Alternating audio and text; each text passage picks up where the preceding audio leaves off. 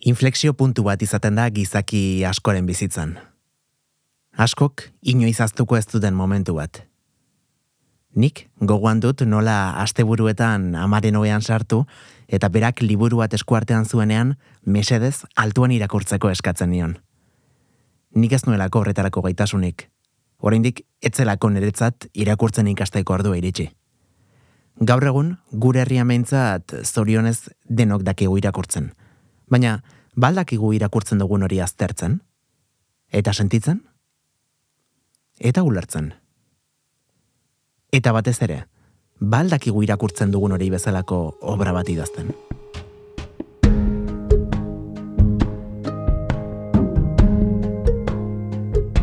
Ispilu beltza, asier errastirekin.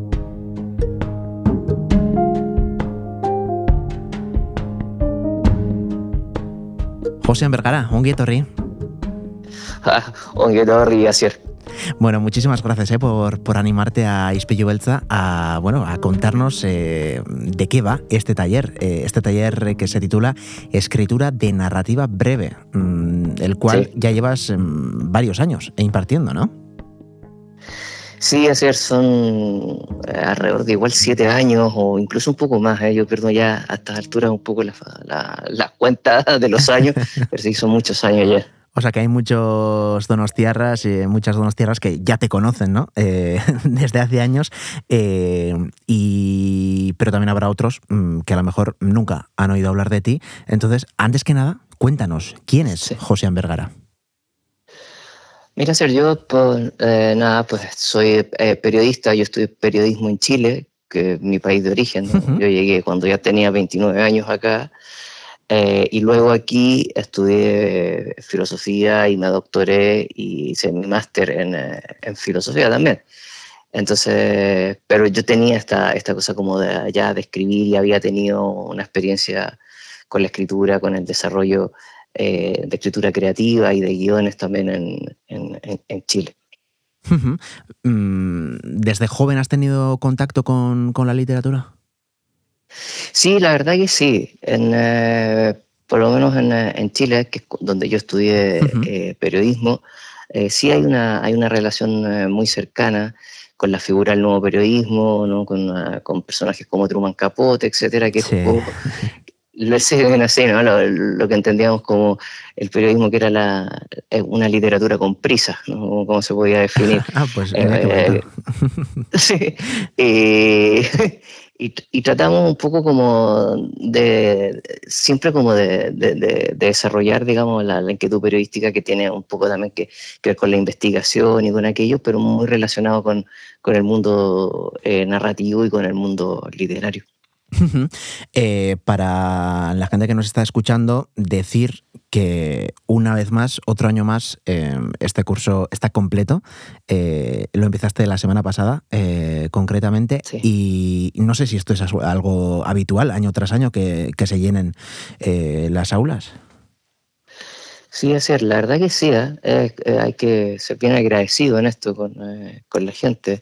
Hay, una, hay una inquietud real, digamos, ¿no? por, eh, por la escritura, eh, de ir y, y contar cosas. Hay una, hay una capacidad eh, narrativa o de, de tener una, esa, ese como pequeño bicho, yo creo, ¿no? de, de plasmar en, una, en, en un relato eh, con, con bemoles, digamos, con más talento, con menos talento, que es lo que nos pasa siempre, digamos, Sí.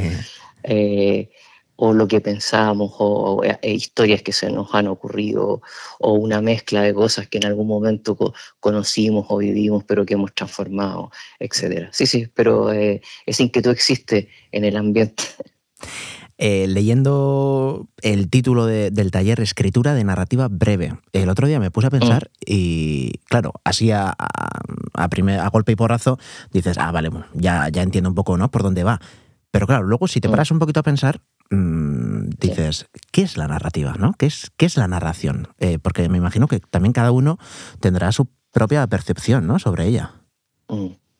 Sí, bueno, eso, eso es una de, la- de las cosas que son importantes en el interior del curso, ¿no? Porque eh, de explicar también un poco qué, que estamos hablando de una eh, literatura ficción y que es también una cosa muy interesante también de plantear o por lo menos tratar de esbozar el desafío de no contar cosas propias, no, de la vida, de, su, de la vida de, de, los asistentes al curso. Y eso es básicamente porque es muy expuesto.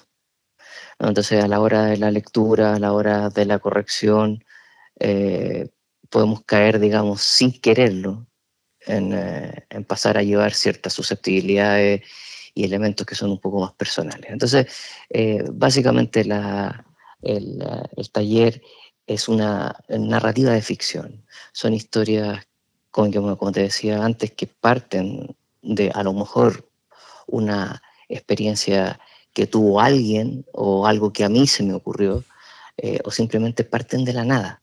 Y muchos de los ejercicios que se hacen en el interior del taller, que son de escritura, eh, tienen que ver con situaciones puntuales que probablemente el 90% o el 95% de los asistentes nunca ha tenido. Pero cómo se imaginan eso, cómo son capaces de ambientar aquello que es el gran desafío, yo creo, del taller. Eh, muchas veces, José, no sé si tú también tienes esta percepción, que mm, relacionamos mucho la enseñanza, el aprendizaje con más temas científicos, matemáticos, porque al final, mm, ¿cómo se puede enseñar a alguien a escribir, a crear arte, no? A ver, es que, a ver, en esto yo eh, quiero ser como, así como súper claro, eh, darle un calificativo de arte a, a un taller que tampoco tiene, yo creo que el, afán de sacar profesionales eh, de la escritura. Y para eso hay que ser como bastante claro para evitar frustraciones y para evitar eh, cabreos posteriores en, en, los asistentes. Pero también hay que ser muy claro, eh, hay algo ¿no? de talento natural a la hora de escribir, a la hora de relatar, pero también hay mucho de técnica. Eh, y eso es un poco donde nosotros podemos echar un cable, eh, que podemos ofrecer ciertas herramientas.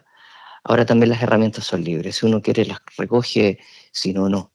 Depende cuán lejos quieras llegar o qué pretendas hacer con tus escritos. Pero son estructuras, son herramientas. Y curiosamente esas estructuras no han cambiado eh, desde que Aristóteles escribió la poética. Entonces, eh, son cosas que se vienen eh, un poco repitiendo, se pueden mostrar con mayor o con menor grado de flexibilidad, ¿no? pero en mi experiencia de estos años, yo creo que hay una cosa que es fundamental en que uno no debe meterse en lo que la persona quiere contar, en lo que uno sí podría ayudar es a las herramientas que le permitan mejorar lo que está contando. Me ha llamado mucho la atención, eh, bueno, eh, la palabra frustración. Eh, en este taller también hay mucha psicología, me imagino, y mm, la frustración por dónde viene, por parte del alumno que intenta o pretende llegar a ser alguien en la escritura, o viene de una frustración interna propia por no ser capaz, eh, por ejemplo, de, llevar al papel lo que tienes en la cabeza?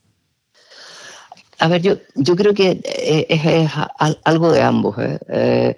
siento que por el momento la frustración viene de muchos no. no, no, no, no, esto no, esto no se entiende. No, pero si yo lo tengo súper claro. Eh, ya, pero es que tú lo tienes súper claro, pero que lo tiene que tener claro también es la persona que te lee. Claro. ¿No? Entonces es muy, es muy difícil hacerle entender a una asistente que tú le dices, mira, esto no, no se entiende. No, pero si esto es por esto, es por esto, es por esto otro, sí, pero la historia no lo refleja. Y yo cuando, o sea, es que ese es el ejercicio, ¿no? O sea, yo voy a una librería, compro un libro, yo leo el libro y no entiendo lo que el autor está diciendo no aparece el teléfono de la casa del autor donde yo lo puedo llamar y el autor explicarme lo que quiso decir. ¿Entendés? Entonces, claro, es una cosa, entonces como, hombre, yo me llevo tu historia, yo leo tu historia, yo no entiendo tu historia. Entonces cuando yo empiezo a preguntar, la gente se empieza un poco a quemar, ¿no? Dice, pero ¿cómo? Pues eso está muy claro. tú lo tienes muy claro en tu cabeza pero que tú lo tengas muy claro a tu cabeza. El paso siguiente es que quede claro en el papel, y en el papel no queda claro. Hay una frase que, se repite muchas veces, ¿no? En, eh, bueno, en muchos entornos, que es todo el mundo tiene algo que contar. Eh, ¿Lo ves así? Sí, yo creo que sí. Yo creo que eh, todos, todos tenemos una historia. El, cotidiano está lleno de pequeñas historias. O sea, tú te juntas con tu pareja en el bar y cuando ya te preguntan qué tal fue el día, tú soltás una historia. Que puede ser más chapa o menos chapa, digamos, ¿no? Pero, pero, pero una historia. Cuando sales con tu cuadrilla, pues ahí hay un montón de historias que salen, ¿no? A lo largo de una tarde o una noche. Eh, yo creo que la, la cosa es Fíjate que a lo largo de estos años, perdón, esto es como paréntesis, creo que nunca me he encontrado con alguien eh, que no tenga nada que decir. Mira qué bonito.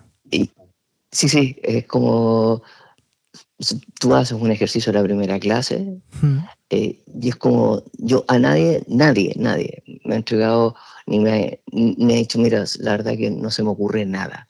Se podrán quejar de que es muy poco tiempo, se podrán quejar de que no lo pudieron leer de nuevo, eh, antes de entregarlo, lo que sea. Pero nada, o sea, mira, fíjate que no se me ocurrió nada. No, eso no me ha pasado nunca. Y el día que me pase no sé qué voy a hacer, la verdad te lo digo, voy a hacer.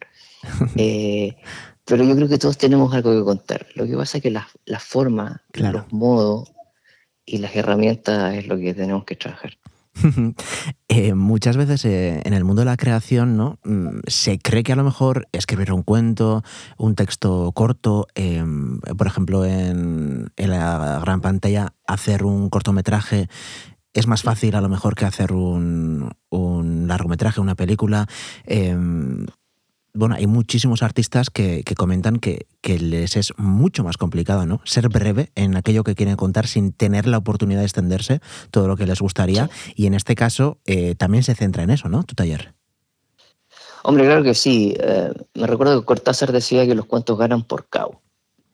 es decir, uno no tiene mucho tiempo como para, eh, para extenderse y para divagar. ¿no? Esto alguna vez lo hemos hablado, o más de una vez lo hemos hablado en el taller, después de leer algunos cuentos, algunas cosas, es que uno en las novelas puede, puede perdonar un capítulo, ¿no? Total, de repente se distrajo, está con el libro ¿no? en, las rodillas, pero pensaba en otras cosas, la lista de la compra o algo así. En el, momento en que uno se lee eh, un libro de cuentos y pasamos la primera o la segunda página y ya nos levantamos y, y, nos servimos algo o, vamos al baño, ponemos la colada, ya la cosa no funciona. Entonces, el, poder de síntesis es lo fundamental y el olfato dramático, es saber dónde está lo dramático y lo importante en la historia, no extenderme más de la cuenta y tener la capacidad para saber qué cosa ayuda o empuja la historia y qué cosa no es funcional a la historia. O sea, está ahí, es un relleno. el cuento funciona igual con eso o sin eso, pero para llegar a aquello hay que usar las tijeras y hay que dejar el ego en casa y hay que tener una capacidad de desprendimiento de lo que yo escribo. Es decir, lo que yo escribo no es lo que yo soy, es simplemente lo que escribo. Pero puede llegar a ser mm, incluso doloroso, ¿no? Ese proceso. Sí, yo creo que es muy traumático. Yo creo que es muy traumático porque es un ejercicio es un ejercicio de madurez, digamos. Esto, Y esto como a, título personal uno lo aprende, por ejemplo, cuando es una tesis, ¿no? Cuando el, director de tesis te dice, esto no vale o esto no sirve, uno se indigna, que se cree este que no sabe nada, ¿no? Lo único que soy yo. y, se, va todo cabreado, se rebota, ¿no? Va al despacho, le da un portazo y tal. Claro, aquí, aquí, es lo, aquí, es lo mismo, aquí es lo mismo. Como uno le dice a alguien que llega con toda la ilusión del mundo a un taller de narrativa y le dice, esto no es así. O esto hay que, usted tiene que alejarse, tiene que ser más humilde, esto, esto no tiene que ir con usted, esto tiene que ir con su trabajo. Eso es muy frustrante y eso hay que manejarlo bien. Y con los años, con los años, y esto te lo digo a título personal, uno como profe también aprende. ¿no? Y dice, bueno, aquí hay que usar un lenguaje un poco más tranquilo, hay que ser un poco más cariñoso con la gente, decir, mira, esto lo podríamos arreglar así, ¿Te parece si lo hablamos? Considéralo, esto no es obligatorio.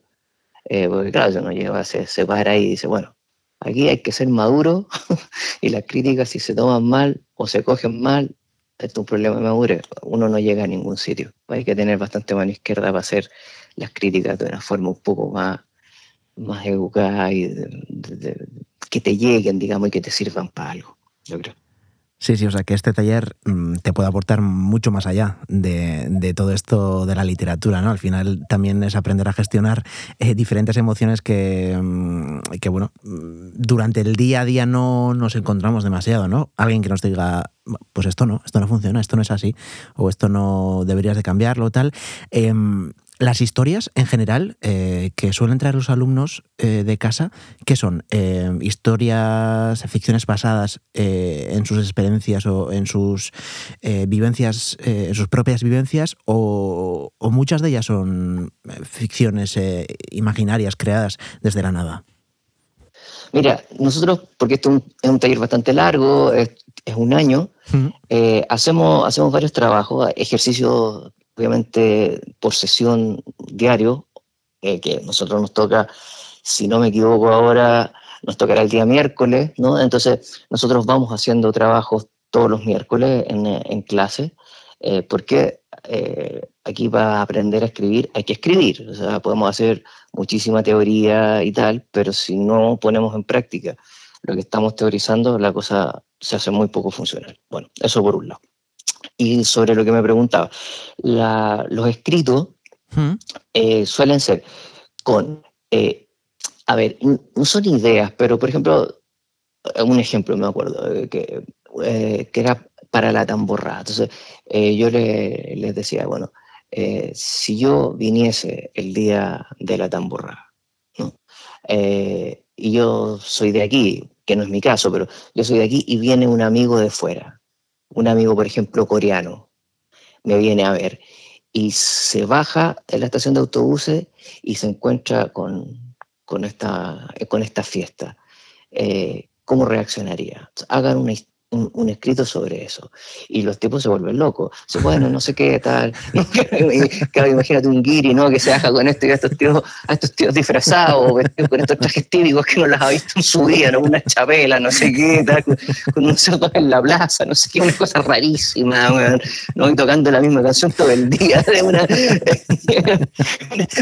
tipo, el tipo puede alucinar. ¿No? Entonces, por ejemplo, tú les pones eso o les pones eh, alguna otra temática eh, y ellos la, la, desarrollan. Mira, el, año pasado, eh, si eso fue el año pasado, planteamos algo que le queda completamente distante a la gente, que era un cuento de boxeo sobre el box, que era algo que hace muchos años que ya pasaron su, pasó su época de gloria.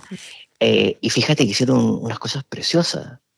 Eh, muy bonita. Alguna vez también les le dije que hicieran una, una, historia de lucha libre, ¿no? De, estos, estos tipos que se suben ahí en estos cuadriláteros y la mitad de lo que hacen es como un teatro y tal. Lo mismo también. Y de hípica también hemos escrito. Los policiales que suelen, eh, suelen estar muy bien. Entonces, eh, hay tres, cuatro, y este año, por primera vez, a ver qué tal nos sale, eh, voy a hacer una apuesta que ojalá no me salga rana, que es el, vamos a jugar eh, a adaptar. Eh, ya les propuse que vamos a adaptar una obra de Tennessee Williams que se llama Un tranvía llamado Deseo, de el formato teatro a un relato breve. Ostras, qué complicado eso, ¿no? Sí, sí, es complicado, sí. Pero si no nos ponemos retos bajo no tiene gracia. Si no cuesta, no tiene gracia. Ostras.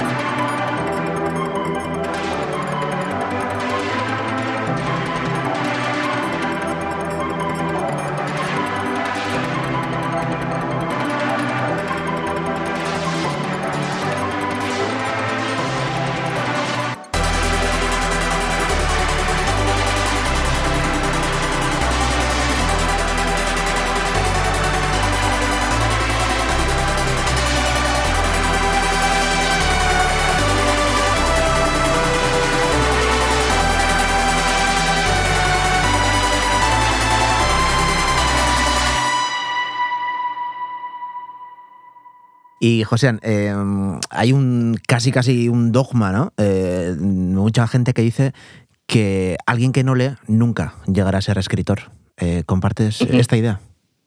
Sí. O sea, es rotundo, es rotundo y categórico. Es muy difícil, es muy difícil escribir si no tienes una relación con, con la literatura y con la lectura. Es súper complicado. primero, para mi gusto, desde elementos ortográficos, sintácticos, eh, hasta la apertura o la forma en que se aborda la apertura a nuevos mundos, a, personajes, a construcción de personajes, estructuras narrativas. O sea, una persona que no lee es una persona que no sé si en algún momento, salvo alguna excepción extraordinaria, eh, pueda llegar a ser un, escritor de fuste, con un, fondo interesante. Y me imagino que, la gente que acude a tu taller mm, serán lectores experimentados, ¿no? Sí, fíjate que bien curioso eso, ¿eh? eh y ahí también hay, hay, una, hay una contradicción como interesante, y eso tiene también que ver, yo, me imagino, con la forma en que uno aborda la lectura en los tiempos que corren, ¿no? Porque si todos leen, o por lo menos dicen que leen, yo no tengo por qué desconfiar, pero sin embargo tienen problemas a la hora de escribir, fíjate. Mm. Y eso es curioso, eso es curioso. Pero están todos leyendo algo. Hay gente que lee de dos cosas, por ejemplo, dos libros. Ahora tengo una señora que, que está leyendo dos, eh, dos, novelas y tal. Eh, pero fíjate que es como, es bien curioso porque en, algún momento cuando tú lees, eh, es, distinta ¿no? La, la, lectura que uno hace como un aficionado y que está muy bien, y que cuando uno tiene ciertos principios, ciertos conceptos de estructura, etcétera, ¿no? Porque ya empieza a mirar lo que lee de una perspectiva distinta. Claro. Entonces va, va descubriendo. Esto ya me lo han dicho. ¿eh? No, que cuando nos enseñaste esto, no sé qué tal, nos mostraste esto. Claro, me, pongo a leer y ahora ya me doy cuenta. Sí, sí, sí.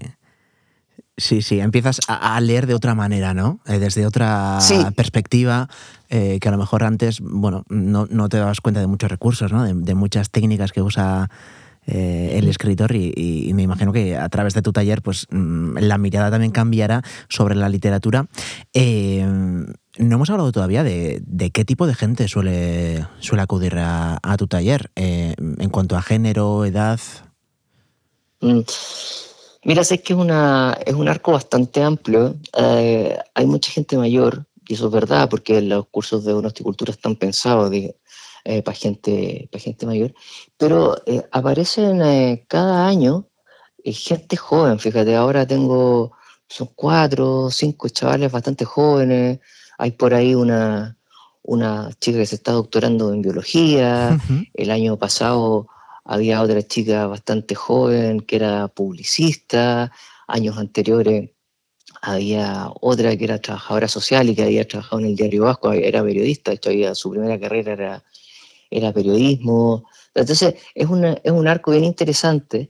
Eh, claro, hombre, la gente más joven tiene, tiene mayor soltura, obviamente, ¿no? porque eh, no, han, no han hecho ese salto generacional desde que terminaron el colegio, después fueron probablemente a la universidad, que han seguido escribiendo bien, mal, más o menos, pero han seguido relacionados con el mundo de la escritura. Y luego el mundo profesional no llevan 40 años, ni son jubilados. Entonces, claro. Eh, ahí y es interesante, ¿no? Porque hay otros que son de una edad media, que están, bueno, dejaron el colegio hace unos años ya, pero estuvieron en la universidad, todavía siguen en activo, es decir, tienen una relación todavía con los escritos, etcétera, y ya está la, gente más mayor, ¿no? que su relación, su verdadera relación con la escritura fue en su época escolar. Hay algunos que sí fueron a la universidad, hay otros que no, ¿no? Pero se hace un complemento y yo creo que el escuchar al compañero como ejercicio, ¿no? Se plantea algo, se lee, quieras o no, escuchando se aprende. Entonces, uno dice, qué bonito lo que dijo, qué bonito lo que hizo. Yo no voy a hacer lo mismo, no voy a decir lo mismo que dijo él o ella, pero puedo coger una idea. me, estoy quedando fascinado solo de escucharte, José. O sea, me imagino que tus talleres eh, tienen que ser muy interesantes. Y, es verdad que precisamente, bueno, en los últimos tiempos ¿no? se, está, se está hablando, a lo mejor la realidad que te rodea a ti mm, no es la realidad que nos rodea a otros, pero se está hablando mucho, ¿no? Desde los colegios, de que, eh, bueno, las niñas, los niños, eh, los jóvenes cada vez, eh, bueno, tienen menos costumbre de leer, cada oh. vez mm, se están alejando más de la literatura, de, la narración escrita. Entonces, tú no sé cómo ves en tu entorno, por lo menos, la, la salud de la, de la literatura, del libro. A ver, yo, yo te voy a ser súper honesto, ah, yo no tengo hijos, entonces a mí me cuesta hacer como un pronóstico, un vaticinio, yo, tengo, yo, yo tengo pareja y tal, y mi pareja es una yonki de la palabra escrita. Entonces, o, sea, o sea, no tenemos tanto espacio aquí en la casa como para la cantidad de libros que hay, ¿me entendés? O sea, yo, si, si, fuese esta mi realidad y la fue, mi realidad fuese la realidad, yo te diría que cosa de una salud tremenda, pero sobre todo por, por, por, el lado de mi pareja. pero, pero sabes que en cuanto a, a los jóvenes, y, y yo te hablo, bueno, yo tengo mi edad también, pero yo cuando era chaval y tal, eh, yo escuchaba lo mismo, ¿eh? que, que, no leíamos, que no sé qué, que no sé cuánto. Pero fíjate que esta es una idea, la idea puede ser buena o puede ser mala, ¿no? Eh, yo creo que no se trata de la cantidad que uno pueda leer. Yo creo que lo que hay que hacer es encontrar lo que a uno le gusta leer.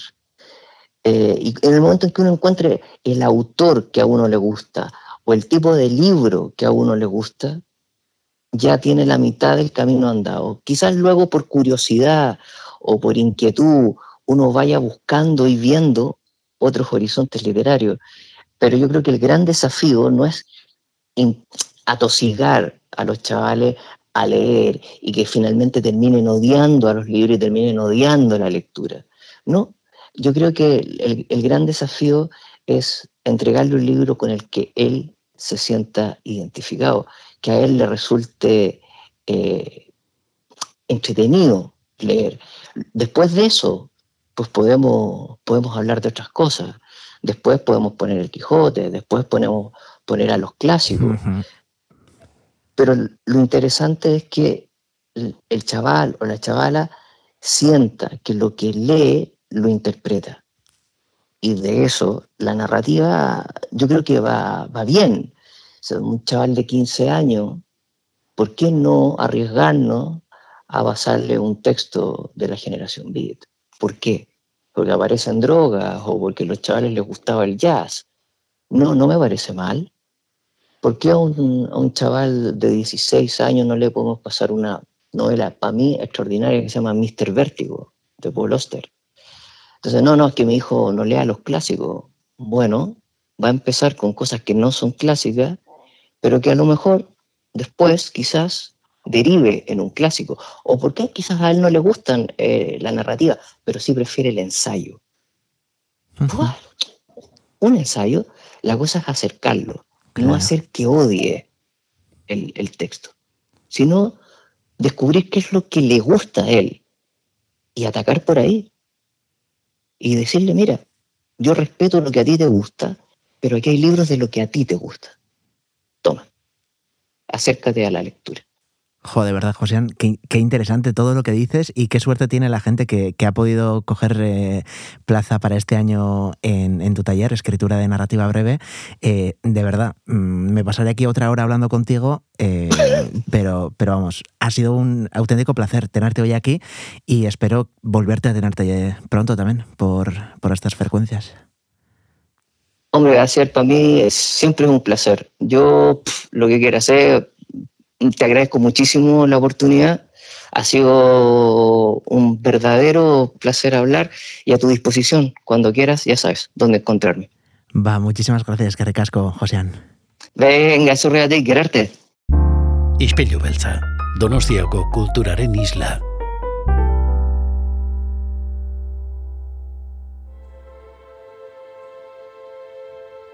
Joe, atzo Enrique Bertekin izan genuen elkarrezketaren ostean, etxera iritsi eta eta opera jarri nuen Spotify eta gaur ez dakit, mm, lanaren ostean papera boligrafoa hartu eta testutxoren bat idazten jarriko baina zen bidea, e, jende guztionek transmititzen duen pasio hori eta guk ere pasioz bizi beharko genuke ba, gustuko duguna, maitea dugun guzti hori, eta egia esan eredu dira, eh? hemen egunetik egunera ditugun konbidatu apart guzti hauek, eta biarrere konbidatu zoragarri gehiago izango ditugu. Goizeko seiretan entzungai podcast plataformetan, izpeilu beltzaren edizio berria, eta zortziretatik aurrera Donostia Kultura irratian, eunda zazpi puntu lau FM-ean, Donostia eta Donostia inguruetako herrietan, eta bestela irratia.donostiakultura.eus atarian.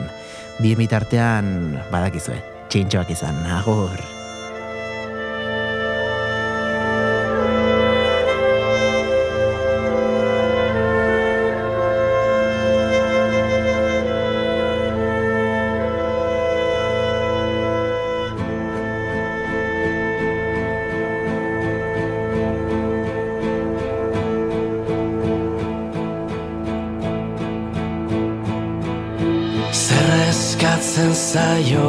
Say va.